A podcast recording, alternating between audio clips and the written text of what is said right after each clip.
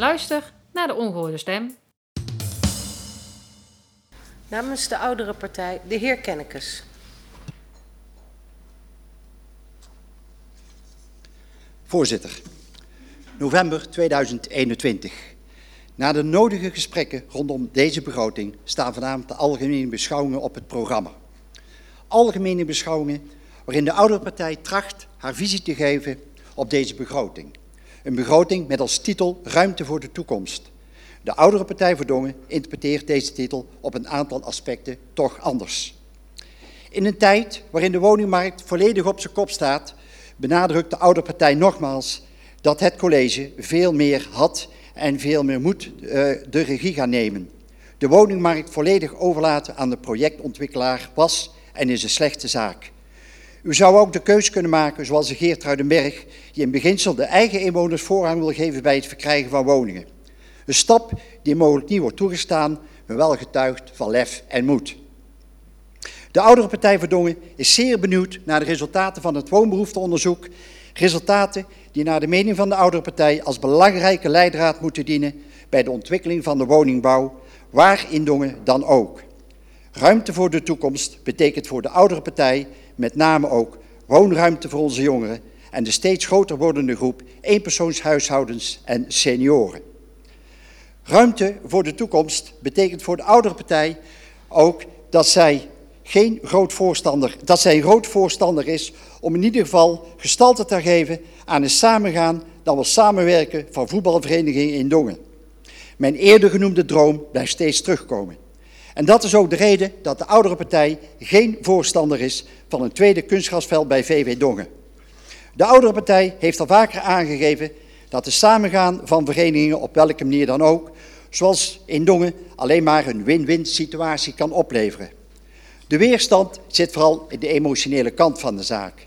Voorbeelden uit de regio geven aan dat deze emotionele weerstand vaak plaatsmaakt voor een praktische benadering.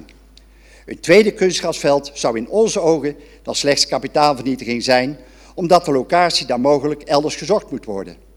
De capaciteitsproblemen, zoals die nu gelden voor VV Dongen, zouden elders en anders opgelost kunnen worden.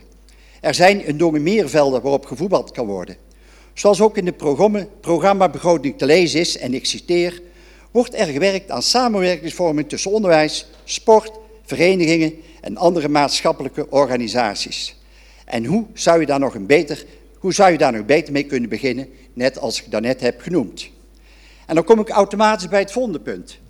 Waarom zou je een voetbalteam niet kunnen verplaatsen naar een ander veld binnen 7,5 kilometer en schoolklassen met jonge kinderen wel? De oudere partij is dan ook van mening dat de gymzaal bij Otterdonk niet mag worden gesloopt en dat deze moet worden behouden voor de gymlessen van de Noorderpoort en de Biezenkring.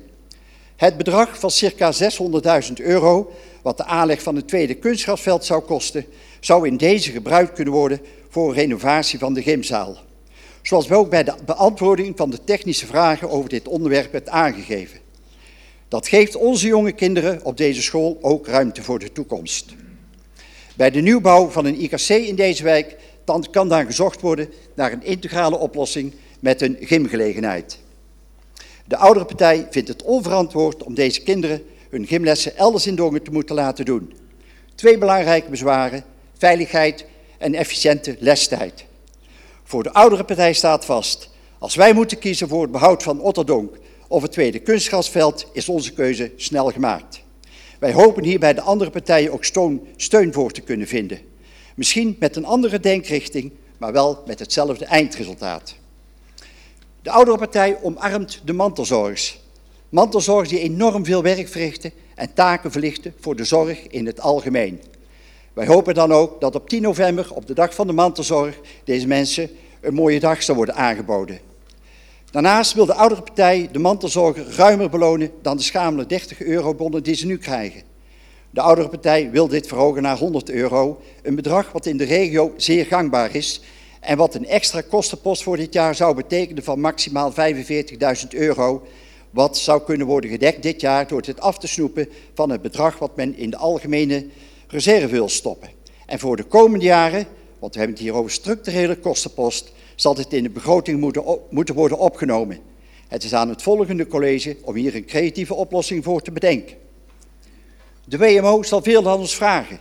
Recent lazen we ook in welke maatregelen er moeten worden genomen om de stijging van de WMO-uitgaven in verband met het abonnementstarief te beteugelen.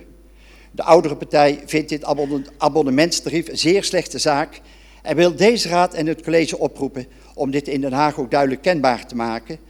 Dat dit een zeer slechte maatregel is die uiteindelijk de mensen die het hardst nodig hebben, te zullen treffen.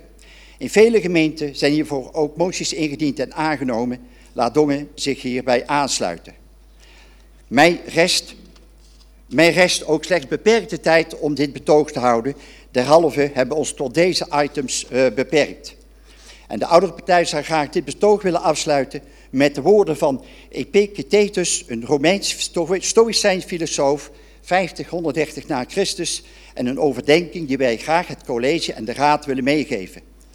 Geef me de moed te accepteren wat niet in mijn vermogen ligt, de kracht om alles te doen wat in mijn vermogen ligt en de wijsheid tussen die twee onderscheid te maken. Dank u wel.